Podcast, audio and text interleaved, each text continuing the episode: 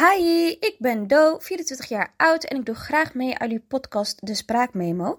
Tijdens jullie podcast zou ik het dan graag willen hebben over character development en over hoe verschillende kopingsmechanismes invloed kunnen hebben op je dagelijkse leven. Ik denk dat we daar allemaal wel mee te maken hebben en kopingsmechanismes is natuurlijk gewoon onderdeel van je ontwikkeling. Dus daar zou ik graag met jullie het gesprek over willen aangaan. Ik kijk er naar uit. See you then. Bye.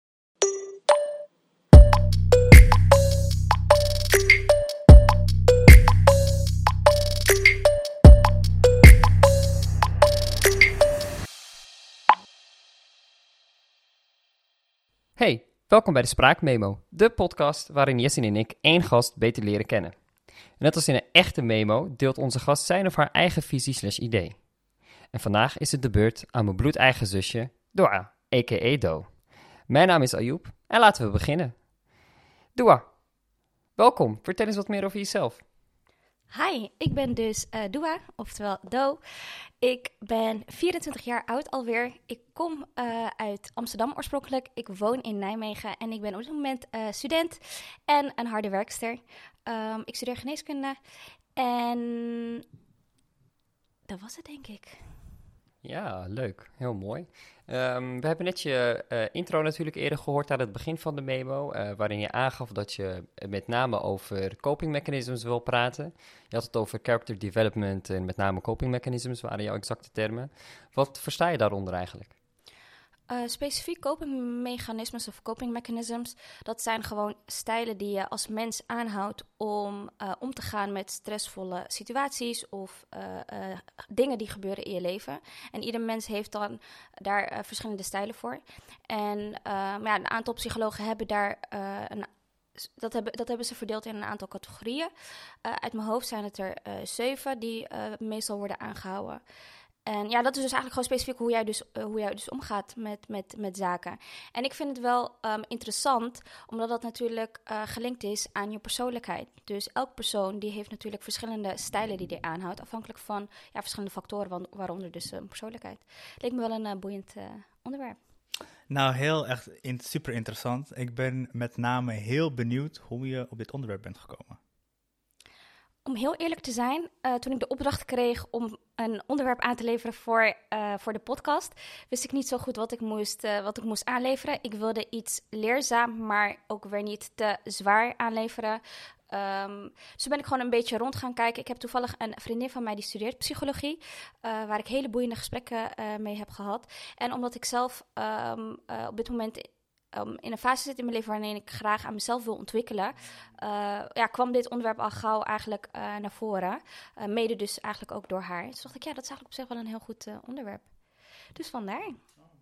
Ja, ik vind het echt een super onverwachts onderwerp bij jou natuurlijk. Want je bent mijn eigen zusje en hier hebben we nooit eerder over gesproken volgens mij. Mm -hmm, nee, klopt. dus voor mij is het wel super interessant. En dan ben ik met name benieuwd... Um, Misschien kan je ons eerst even meenemen in wat die copingmechanismes nou zijn, wat die verschillende kopingsmechanismen zijn die er bestaan, die zeven categorieën waar je het over had. Om daarna misschien even wat leuke, juicy verhalen te vertellen over welke van de zeven je bij mij of bij jezelf herkent. Oké, ja, dat is, wel, wel een leuke vraag. Um, ik durf niet te zeggen of ik ze zo allemaal zeven zo kan opnoemen, maar een aantal zijn bijvoorbeeld expressie van emotie. Uh, dan gaat het met name, met name om uh, spanningen. Dus je hebt een stressvolle situatie en hoe ga je daarmee om? Dat doe je door dat bijvoorbeeld af te reageren op uh, iemand anders. Dat is bijvoorbeeld een copingmechanisme. Een ander copingmechanisme is uh, vermijden. Uh, dat kan je dan op verschillende manieren doen. je vlucht naar bijvoorbeeld drank of drugs. maar vermijden kan ook door het letterlijk gewoon te negeren. dat is een tweede. Uh, even kijken wat een derde is. Is dat je zeg maar, er heel praktisch mee omgaat. Uh, dus je hebt een probleem, er is iets gebeurd. En dan ga je heel rationeel naar kijken. Wat kan ik doen om het probleem uh, te verhelpen? Dat ben ik toch? ik zou wel zeggen dat jij inderdaad wel meer inderdaad, in die hoek zit. Ja. Um, ook die drama queen.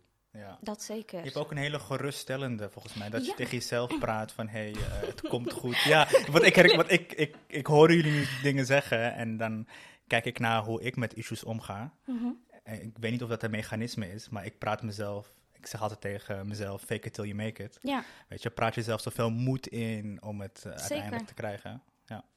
Ja, nee, dat is inderdaad ook zeker een, uh, zeker een stijl.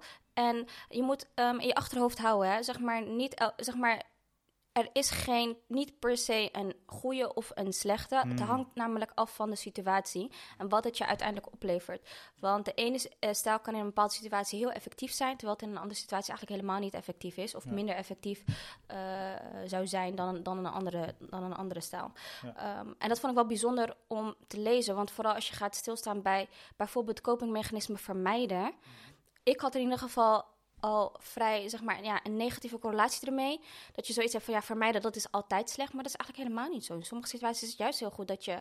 ehm, Heb jij iets dan bijvoorbeeld onlangs meegemaakt? Of je denkt, hé, goed dat ik het toen even heb vermeden? Of, eh, niet per se onlangs. Ik ben dus ook even gaan kijken van, oké, welke stijl is inderdaad van mij? En volgens mij is vermijden deels inderdaad iets wat ik doe. En dat is denk ik vooral om, eh, om escalatie te voorkomen. ja, dat, ja, dat herken ik wel. Ja? Ja, ja. heel erg. Bij jou, dat Grappig. tenminste. Ja, Ja. Ja.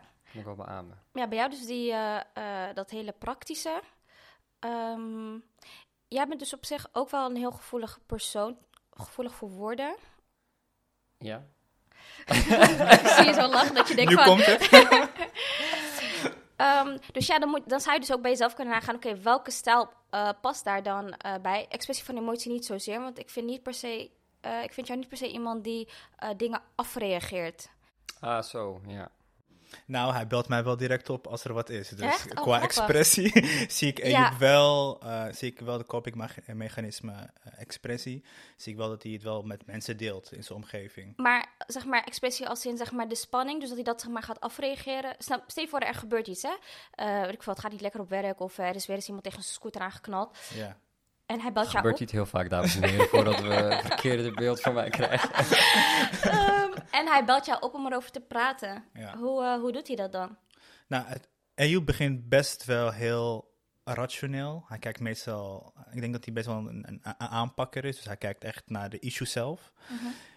Maar als je mij opbelt, dan zie ik wel wat emotie erin. Dus dan kan ik wel bijvoorbeeld de eerste 30 seconden van het gesprek, denk ik bij mezelf, oké, ik, ik ga niet praten, ik ga gewoon luisteren, want dan staat hij wel op zenden. Ja. Ehm, maar het is wel echt een manier hoe dat, ja, om, om het zeg maar te verwerken. Eh, ja, eh, zeg maar een mechanisme voor hem, ja, nu je die het bij hem zegt, past. Nu je het zegt, ik moest dan denken aan. eh, ik zat laatst, nou ja, niet zo heel lang geleden bij jou achter op de scooter Ejob. En toen was er een fietser, kan je het je nog herinneren? Excuus. kwam er een fietser ons. of tenminste, die fietser die stond midden. Nee, het was geen scooter, het was de fiets trouw. Whatever, maakt niet uit. Er was een fietser die stond Mhm. midden op de weg eh, stil. En jij kwam aangereden op je scooter met mij achterop. En het was een hele onlogische eh, plek voor die fietser om stil te staan. Agreed. Maar toen ging je best fel reageren erop van... eh, ja, wat, wat Ja, maar dat is alleen in het verkeer. En voordat deze hele podcast over Nee, nee, in nee. mij gaat inzoomen en hoe ik me gedragen in, op straat, zeg maar, als ik scooter rijd. Ehm, Maar ik, maar herken wel wat je zegt, dat ik af en toe... eh, eh, ik, ik reageer dingen niet vaak af, alleen eh, bepaalde gedragingen wel. En dat is met name in het verkeer bijvoorbeeld. Dan kan ik gewoon... Dan wil je het gewoon van je af ranten, zeg maar. Of van je afschreeuwen of schelden, of hoe je het ook wil noemen. Ehm, dat doe ik wel. Uh, maar volgens mij uh, val, blijft het alleen daarbij beperkt. Met, in andere situaties ben ik niet iemand die echt uh, zijn emoties afreageert. Ja, maar dat is het mooie van, van verschillende mechanismen. Want ik denk dat stoom uitblazen op zo'n korte termijn, wanneer iets gebeurt, dat het wel even nodig is om mm. wat paar woorden te ja. roepen. Of weet je, dat je jezelf soort van wel kalmeert daarin. Ja. Um, maar wel interessant, want we zoomen inderdaad in op Ejoep nu. Uh, ik ben zijn beste vriend en we hebben hier uh, zijn zusje. Dus we, we kijken naar hem met, uh, met verschillende brillen. Ja, maar ik ben uh, heel benieuwd naar, naar, naar Dua. Uh, afgelopen jaar, welke mechanismen uh, ja, zijn, zijn ontwikkeld? Welke zijn echt uh, opvallend in jouw ontwikkeling? Um, dat is een hele mooie vraag die je stelt, waar ik niet concreet antwoord op kan geven, omdat ik wel het idee heb dat ik me dit jaar dus zo bewust mee bezig ben dat het me is gaan opvallen dat ik eigenlijk helemaal niet exact weet welke stijl ik, welke stijl ik echt eigenlijk uh, precies aanhang. Maar voor nu zou ik dan zeggen, ik ben best wel iemand die uh, geruststellend is. Ik stel mezelf, ik stel mezelf gerust, vaak gerust. Dat ik dan, dan heb ik dus een stressmoment. Dan sla ik helemaal door in mijn hoofd. En dan hoor ik een andere stem in mijn hoofd van, oké, Even terug. De geruststellende dus. precies. Ja, de ja. geruststellende Do die dan tegen Do zegt van, het komt goed. En eh, we gaan het dus zo aanpakken, begin hiermee. Dat was dus vanochtend toevallig. Omdat ik dus wakker werd. Ehm, ik had me een beetje verslapen, dus toen begon ik al met stress van, oh my god, Dat is nieuw. Ik was me er vanochtend heel erg bewust van. Ik wil dus echt graag op tijd zijn. En, maar daardoor begon ik te stressen. Kreeg ik echt zo'n an- anxiety attack. En daardoor freeze ik helemaal. Want dan kom, zeg maar, niet, ik kwam niet verder. En toen ging ik mezelf geruststellen van... Oké, je toch, stap voor stap. We gaan niet alles op één hoop gooien. Begin met dit, dan zus, dan zo. Dus dat is eh, een stijl die ik aanhang. Eh, een andere stijl is vermijden. Mm. Dat, eh, dat doe ik heel erg veel met emoties vooral. Mm. Mijn, ik probeer altijd eh, een beetje weg te rennen voor mijn emoties, is, eh, is me opgevallen. Of althans, ze mogen er heel kort zijn. Is, dat, is dat confronterend dan voor jou, als je die emoties voelt? Ja, ja, ja, inderdaad. Dat is het denk ik vooral. Ik, Ja. ik confronteer mezelf ermee. En omdat ik dan niet zo goed weet wat ik ermee aan moet, heb ik het liefst dat ik dan even gewoon... Omdat ik het idee heb dat die emoties mij dan in de weg zitten van het praktisch zijn en praktisch doen en handelen. Mm. Ehm, ja, dat vooral eigenlijk. Ja, nou interessant. Ja. Ja. Ja, nee, super mooi. ik wilde eigenlijk ook eh, daarop doorgaan, want je zegt dus dat je vaak eh, emoties te confronterend vindt. Mhm. Ehm, ik ben juist wel zo'n emotionele bak, zoals jullie beiden wellicht wel En weten. hoe?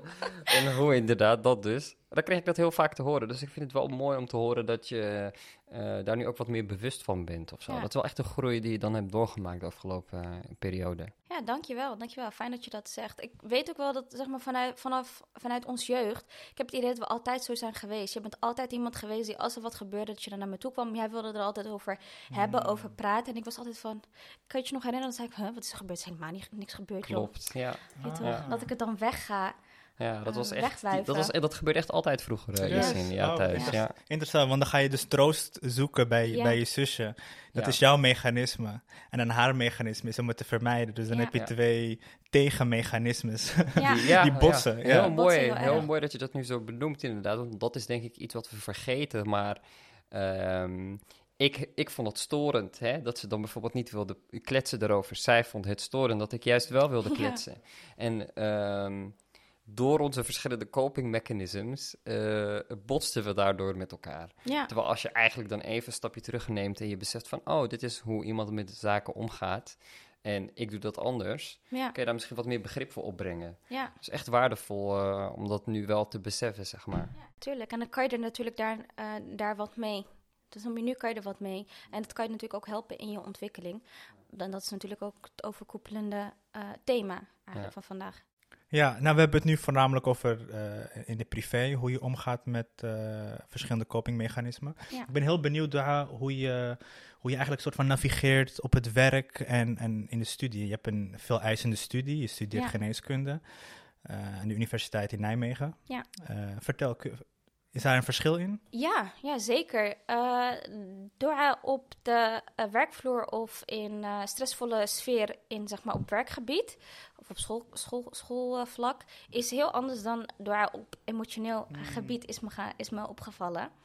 Ehm, en het verschil is dat ik op werkgebied daar heel goed mee om kan gaan. En het, tenminste, dat idee heb ik, dat ik onder stress juist heel goed kan presteren als het op school aankomt.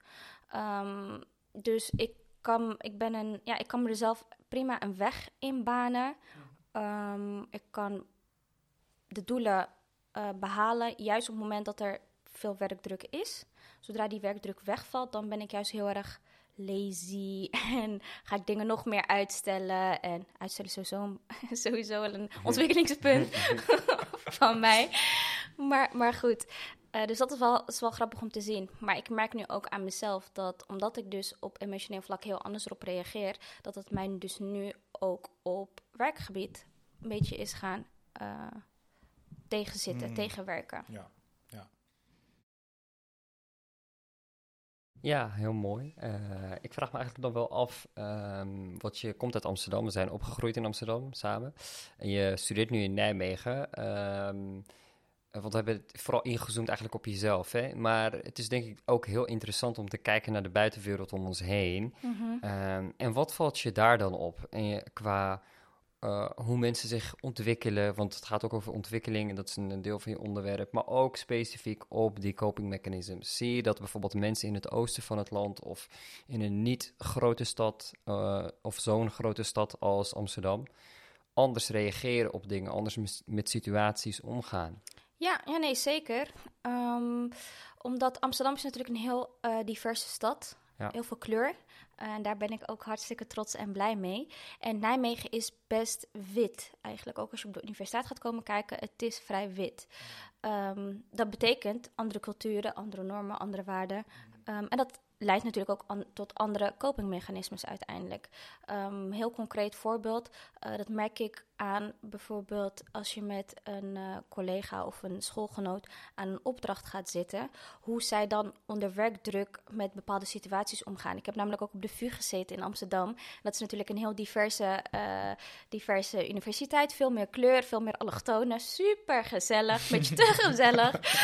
um, maar daar merk je dan, als je dan met een, als je met een schoolgenoot aan een opdracht moest zitten voor school en het uh, liep helemaal in de, in de soep, uh, zeg maar, dan um, ging er, werd er dan anders mee omgegaan. Ik heb het idee dat, en dat is natuurlijk, dit is generaliserend, dit is gewoon een er ervaring die ik heb gehad, dat kan je niet doortrekken voor iedereen. Maar ik heb het idee dat uh, autochtone Nederlanders meer praktisch zijn, meer doelgericht, meer, um, timide daarin. Mm. En er komt ook veel minder. Wat bedoel je daarmee met timide? Ja, zeg maar rustig. Uh, de, de samenwerking verloopt ook veel soepeler. Ook als het bijvoorbeeld misgaat, er wordt niet meteen in paniek. Er wordt geen weet je, er ontstaat ja. geen paniek. Ja, ja. Terwijl met um, allochtonen is natuurlijk veel meer uh, gevoel, temperament en dat botst. Ja, veel, Ja. veel meer passie. Heel passievol. ja, ja, veel ja. meer passie, ja. Dus dat was wel grappig om, om, om te zien en te ervaren. En kan je dan zeggen dat bijvoorbeeld dat je ziet dat uh, um, uh, bij onze medemens van kleur, om het even heel uh, politiek correct te zeggen, dat die um, wat meer nega negatievere vormen van coping mechanisms met zich meedragen. Uh, waar dat misschien bij uh, witte Nederlanders uh, misschien wat positiever is, als je dat zo kan onderscheiden. Grappig dat je dat zo zegt, want ik ben niet van mening dat er een negatieve kopingsmechanisme is. Ah, oké. Okay, oké. Hmm. Um, Oké. Okay. Doe tel. Hey. Spit de bean. ben benieuwd. Spit, uh, speel de tea. Stuk. Um, anders. Maar dat is ook logisch, want we zijn natuurlijk verschillende mensen. Mm -hmm, mm -hmm. Dus dan is het ook niet. Oeh, excuus. Dus dan is het ook niet. Dus dan is het ook niet gek dat, het, uh, dat, dat er op een andere manier op bepaalde uh, dingen worden gereageerd. En ook op een bepaalde manier dat je denkt van oké, okay, hm, deze kopingsmechanisme in deze situatie is niet zo handig, praktisch, effectief. Uh, whatever. Je zou beter voor iets anders kunnen kiezen. Maar ja, again, wie bepaalt dat? Ja, ja, ja. Fair enough. Ja. Dus dat, uh, ja, dat is altijd wel bijzonder om bij, uh, om bij stil te staan. Ja, super. Nou, dankjewel voor uh, dit eerste gedeelte. We gaan even een break nemen en dan zijn we zo terug.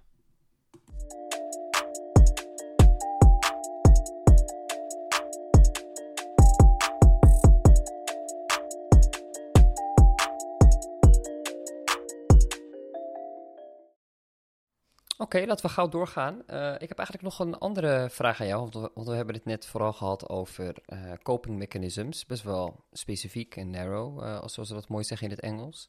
laten we het wat breder trekken en vooral uitzoomen en praten over karakterontwikkeling, zoals je dat mooi noemt, character development. Wat, wat bedoel je daarmee? Wat bedoel ik daarmee? Ja, goede vraag. Zeg maar het ontwikkelen van je persoonlijkheid. Um, als, als mensen zijnde doen we dat natuurlijk uh, altijd, allemaal. Uh, je hebt natuurlijk verschillende levensfases waarin je dus verschillend uh, ontwikkelt daarin. Als kind zijnde, als puber, als adolescent, als volwassene. Um, en dat wordt natuurlijk door, um, op verschillende manieren wordt dat dan geprikkeld en gedaan. En natuurlijk in jongere jaren wordt dat natuurlijk ook grotendeels door, door school, door educatie wordt dat, wordt dat gedaan. En wat je ziet is, um, naarmate men volwassen wordt, dan wordt het meer iets, een verantwoordelijkheid van jezelf. Ja, dat is het natuurlijk altijd, maar dan wordt het meer iets wat je zelf uh, moet toepassen. En heel veel volwassenen blijven daarop stagneren, terwijl het wel iets is uh, wat, uh, wat eigenlijk mens eigen is. Want anders zouden wij natuurlijk nooit, nooit bestaan. Anders zouden we blijven haken op, op koken op vuur en, eh, en jagen. Zouden we hangen in die periode. Eh, dus dat, dat is eigenlijk wat ik bedoel met eh, persoonlijke ontwikkeling en je bewustzijn daarvan. Daarom heb ik het onderwerp ook gekozen, omdat het me wel heel boeiend leek. Ah, oké. Ja, ik eh, ben eigenlijk heel benieuwd naar die bewustzijn. Hè? Dat, dat, wat jij heel mooi zegt, die verantwoordelijkheid ligt bij, de, bij, bij een volwassen persoon. Eh, maar als ik om me heen kijk, is niet iedereen per se die officieel 18 plus is en volwassen is, bewust. Ehm, hoe bevorder je die bewustzijn? Eh, als je het hebt over persoonlijke ontwikkeling en character development. Vind ik echt een hele mooie vraag. Want ja, eh, inderdaad, hoe, hoe doe je dat? Hoe word je bewust van iets? Ik denk dat je bewust van iets kan worden uh, op het moment dat je tegen dingen aan gaat lopen. Dat is een manier hoe je bewust van kan worden. Dat je dan tegen dingen aanloopt en je komt niet verder. Dan ga je erbij stilstaan en dan kan je uh, tot die conclusie komen. Maar het kan dus niet alleen op persoonlijk vlak. Het kan ook op de werkvloer zijn. Dat je je daar dan um, bewust van wordt. Op werk worden we sowieso wat vaker gemotiveerd om uh, te werken aan je, aan je persoonlijke ontwikkeling. Uh, als ik ook gewoon kijk binnen, mijn eigen, binnen mijn eigen werkomgeving, wordt heel erg gestimuleerd inderdaad op ontwikkeling op verschillende manieren. Wordt gedaan door een coachingsgesprek, wordt gedaan door een, door een cursus die dan bankbreed wordt aangeboden aan de werknemers.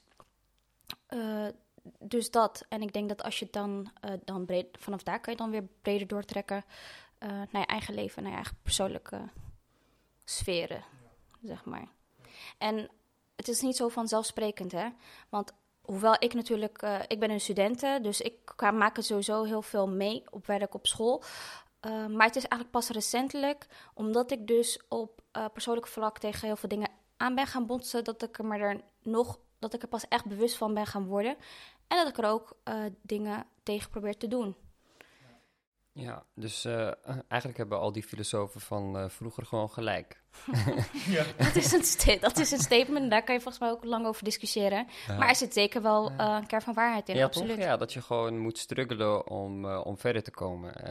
Um, en daarom hou ik van de phrase die wij als millennials heel vaak gebruiken: The struggle is real. Ja, very real. Dat gooien we heel vaak erin en dat klopt gewoon. Dus uh, dat is wel wat om te, om te merken. Ik vind het uh, heel mooi wat je zegt, uh, want tegelijkertijd was ik aan het nadenken dat we allemaal die reset hebben gehad, nu met, met de pandemie en met de corona. Mm -hmm. Lijkt het alsof iedereen wel stil is gestaan. En, en als je dat niet hebt gedaan, gaat het nog gebeuren, tenminste beet laat. dan is die bewustwording echt vertraagd. Um, maar heb jij nu tijdens deze pandemie en coronatijd, heb jij, uh, is er een opvallende mechanisme ontwikkeld in die tijd? Uh, het vermijden, dat is veel meer gaan groeien, omdat je natuurlijk opgesloten zit tussen vier muren. Dus um, de motivatie om te zitten aan dingen, dat ging dan heel erg dalen. Dus ik had het idee dat mijn kopingsmechanisme vermijden enorm werd, um, werd ja, aangewakkerd. En daardoor werd ik me er in één keer ook heel bewust, uh, bewust van. Ik vind het wel grappig, uh, of tenminste interessant wat je zegt. Van goh, uh, als je het niet hebt gedaan, dan ben je te laat. Ja, is het? Is dan de vraag van, ben je te laat met het bewust worden van... Want je ontwikkelen kan altijd, hè? Dat stopt niet. En dat is dus eigenlijk het mooie aan ontwikkelen. dat is ook de gedachte erachter. Blijf doorgaan. Maar um, hoe, hoe ervaren jullie persoonlijke ontwikkeling eigenlijk zelf? Welke stappen hebben jullie daarin zelf gemaakt? Um, dan kijk ik nu even recent. In de coronatijd ben ik meer gaan stilstaan, vooral op emotioneel gebied. Uh, ik gebruik, ik hanteer altijd de drie Z's. Het is zelfliefde, zelfcompassie en zelfzorg. En uh, ook ZZZ van goed slapen, want ik, moet ook echt acht uur slapen. want anders ben ik gewoon kapot. Ja, maar um, ja, dus die drie Z's is heel belangrijk in deze tijd, omdat er zoveel druk is vanuit de samenleving. Je moet werken, je moet sporten, je moet er goed uitzien. Je moet, uh, um, in de coronatijd heb je veel tijd, je moet projecten mm-hmm. opzetten, je moet lezen, weet ik veel wat. Maar ik moet ook helemaal niks. ja. Dat is ook even heel belangrijk. Zeker. Dus ik denk dat ik op dat, op dat gebied, uh, emotioneel, dat ik mezelf heel veel ruimte heb gegeven, nog meer dan ik deed. Mm-hmm. Um, en daar ben ik wel hartstikke blij mee, want ik ben nu veel rustiger. Uh, ik zie dingen veel helder. Uh, dus uh, ja, voor mij. En jij, Ayoub? Ja, voor mij, ik denk dat ik vooral ben gegroeid eigenlijk met, uh, met mijn vriendschappen die ik heb en de relaties die ik heb. met name met jou natuurlijk, uh, Yassine, afgelopen, afgelopen corona. eh, Bondings. Je mag, bondings je mag me credits geven. Ja. Ja, ik geef mezelf vooral credits Heb je ook bij dit, deze. dit model toegevoegd? toegepast? Is het dat het? Vooral dat slapen, ja. Nee, ehm, nee, maar eerlijk is eerlijk. Ik heb wel echt... eh, dat is ook echt zo'n stopzin van mij, maar goed. Wat ik wilde zeggen was... Ik, ehm, vooral mijn vriendschap heb ik wel echt ontwikkeld eh, dit jaar. En ik ben vooral de waarde daarvan gaan inzien. ehm, want eh, om even te reflecteren bijvoorbeeld... Als je gaat checken... ehm, het afgelopen jaar konden we letterlijk niks doen. Eh, het leven zoals we kenden was eigenlijk weggevaagd. Hè? Er bleef vrijwel niks over. Het enige wat overbleven was je basisdingen. Dat is eten, slapen, ehm, eh, douchen, naar, de toilet, naar het toilet gaan eigenlijk. En af en toe bewegen door middels van een wandeling. That's Ja. it. Voor de rest was er niks meer te doen. Ja. Eh, en dan leer je dus, maar wat betekent het om een goed leven te leiden? Wat, betek- wat is dat? Mhm. Wat houdt dat in? En kun je nagaan dat er filosofen al meer dan 2000 jaar geleden bezig waren met dit soort vragen. 2500 jaar geleden was Aristoteles hier al mee bezig. En dat wij dit zelf hebben mogen meemaken is best wel een klein eh, wonder op zich. Eh, Mhm. dat kon Zeker. dat, ja. En wat ik toen heb geleerd is dat een goed leven met name bestaat eh, uit relaties die je hebt met anderen. Uit de Mhm. relaties die je opbouwt met mensen. Eh, met je buren, eh, maar met name ook met eh, mensen die je echt lief hebt. En dat kan je familie zijn, eh, maar dat kunnen ook juist eh, vrienden zijn die eigenlijk een soort van familie worden voor je. Mhm. Eh, en dat heb ik wel echt eh, eh, ja, geleerd en meegemaakt de afgelopen jaren. En daar ben ik echt ontzettend dankbaar voor. eh, ja, ook naar jou, Jessin. Ja. Thanks. Ik heb even een hele specifieke vraag. Heb je echt een moment gehad dat je dacht van... Yes, dit is het. Dit, dit, dit. Niet per se dat je een, een hele formule ervoor hebt. Voor, voor, voor je persoonlijke ontwikkeling. Maar als je een moment had dat je dacht van... Oh, wauw, vrienden. En wat je zegt, die bezinning. Hè, die, dat dat Hmm. zorgt voor, voor, voor heel veel bewustzijn. Wanneer was dat moment voor jou? Daar ben ik heel diep aan het nadenken. Dat is ook een diepgaande vraag, sorry. Ja. Ja, nee, dat is prima. Eh, dat moment was voor mij, eh, eh, en dan ben ik wel benieuwd welk, welk moment dat was voor Dora, zeg maar. Maar voor mij was dat, denk ik, met name toen we aan het sporten waren om de dag. Op een gegeven moment was er een moment dat ik dacht, wow. Ik weet nog dat we dan volgens mij al twee, drie weken echt elkaar om de dag letterlijk zagen. Ik woonde bij jou tien minuten vandaan, dus Ja. dan gingen we samen hardlopen vaak. Eh, soms ook eten en zo. En dat ik dacht van, oh joh, ik zie deze kill nu echt heel vaak. Eh, ik vind het heel fijn. Wat voel ik mij goed, ondanks dat het, dat het corona is. En ik weet nog dat ik om mij heen hoorde dat bijvoorbeeld collega, want ik was, eh, collega's, ik was toen nog een trainee, dus collega-trainees, dat die bijvoorbeeld zich veel meer slecht voelden Mm. en in de put voelden en dat soort zaken. Ja. En ik niet. En toen besefte ik me van, yes, relaties, het draait grappig, het om. eh, ik vind Ja. het grappig dat je dit zegt, omdat ik het idee heb dat je er in principe eigenlijk altijd wel bewust van bent geweest. Eh, eh, want je bent altijd al, je hebt altijd zoiets gehad van: ik vind het belangrijk om vrienden te hebben. En ik heb het idee dat je dat ehm, tijdens het opgroeien eh, niet per se echt had. Ik kan me herinneren dat we wel eens gesprekken erover hebben gehad. En ik weet niet in hoeverre ik ben je nu aan het exposen ben hierover. Shit, shit, eh, shit. Uh, je hebt het altijd als iets belangrijks ehm, ervaren. En jammer dat je dat op dat moment niet had. En ik weet nog ehm, dat je dus inderdaad aan het begin eh, ja, benoemde dat je eh, een Jessin hebt leren kennen. En eh, af en toe met hem chillde. En dan vroeg ik aan je van, oh, is een vriend van je? En toen was het nog een beetje onduidelijk van, oké, wat, wat is de status? Welke status moet ik aangeven op Facebook? Maar op een gegeven moment werd dat gewoon echt een echte vriendschap. En ik heb ook een... En ik weet niet of het per se daardoor komt, hè. Maar ik heb wel een ehm, verandering gezien ook in jouw ehm, karakter als persoon. Als persoon zijnde. Want je werd inderdaad veel, ehm, voor mijn ervaring, eh, veel, minder, veel minder negatief. Je zag dingen veel minder zwart. En ehm, ook voor mij heeft dus jullie vriendschap een positieve invloed gehad. Dus bij deze thanks. Thanks daar voor de hele mooie analyse. Credits voor je zin. Ehm, ja, dus duidelijk. eh, ja, wel bijzonder dat je dat, dan, eh, dat je dat dan zo zegt. En dat je Ja, heel mooi. En thanks dat we wederom weer op mij focussen. Maar laten we weer even teruggaan naar jou, eh mademoiselle. Eh, ja, wat was, wat was jouw moment waarvan je dacht, uit, Ja. dit is persoonlijke ontwikkeling of nu ben ik ermee bezig? Eh, dat punt was denk ik uh, afgelopen jaar geweest met corona, omdat, uh, ja, net wat je hebt aangegeven, alles, uh, alles viel stil. Um, toen werd ik dus veel meer geconfronteerd met mezelf. Kon ik dus veel minder mezelf afleiden door naar buiten te gaan of met vrienden af te spreken. toen had ik in één keer het besef inderdaad van, oh chips, weet toch, ik moet echt op mentaal vlak, moet ik wel echt aan mezelf gaan werken. Want heel lang ervoor wegrennen of het wegstoppen of wat dan ook heeft, heeft genut. En het hoeft niet eens zo heavy te zijn. Het kan echt op verschillende vlakken zijn. het kan ook gewoon zijn um, ja, een klein ding. Bijvoorbeeld het feit dat ik best chaotisch kan zijn als persoon. Um, daarmee werd ik thuis dan in één keer veel meer ermee geconfronteerd. dus dat was denk ik het moment dat ik me besefte van... En dat is, voor mij is dat al een stap. Hè? Je bewustzijn mm en beseffen dat er inderdaad dat er werk aan de winkel is. Dat is aan zich een ontwikkeling. Ja, heel mooi. En, en wat is dan, uh, als je kijkt naar de toekomst toe, want we hebben nu vooral gehad over het verleden. Je geeft aan, het is een ongoing proces eigenlijk, wat nooit stopt. Uh, waar, waar zie je jezelf uh, naartoe gaan wat ontwikkeling betreft? Naar, een, naar, een happy dough. dat is denk ik uiteindelijk allemaal ons doel, gelukkig zijn. Mm -hmm. um, en ik denk dus gewoon uh, werken aan mijn uh, mankementen en dat die gewoon die wegwerken. Natuurlijk zal nooit perfect zijn, maar het streven om dat continu te blijven verbeteren. Ja, ja.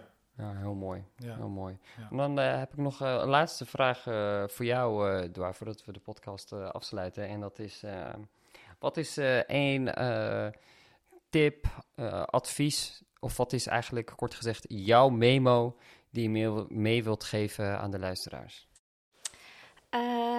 Dat zou dan zijn, kleine stappen zijn ook stappen, vergeet dat niet. Dus het begint al bij uh, de stap meer water drinken op een dag. Je hoeft niet in één keer van de ene dag naar de andere dag um, alles te verbeteren. Doe dat gewoon in baby steps. Baby steps en blik af en toe ook terug op de stappen die je hebt gemaakt. En wees daar ook trots op. Hmm. Vier dat ook. Ja. Want alleen zo kan je het proces verder ja. voortzetten. Yes. Heel mooi, dankjewel. Ik wil je graag namens Jessin ook bedanken voor je komst hier en uh, voor het meedoen met deze aflevering. En uh, dan voor onze luisteraars, uh, we hopen dat jullie ervan hebben genoten. En de volgende keer gaan we een memo opnemen met iemand van Jessin. Toch? Peace out, het komt helemaal goed. Ciao.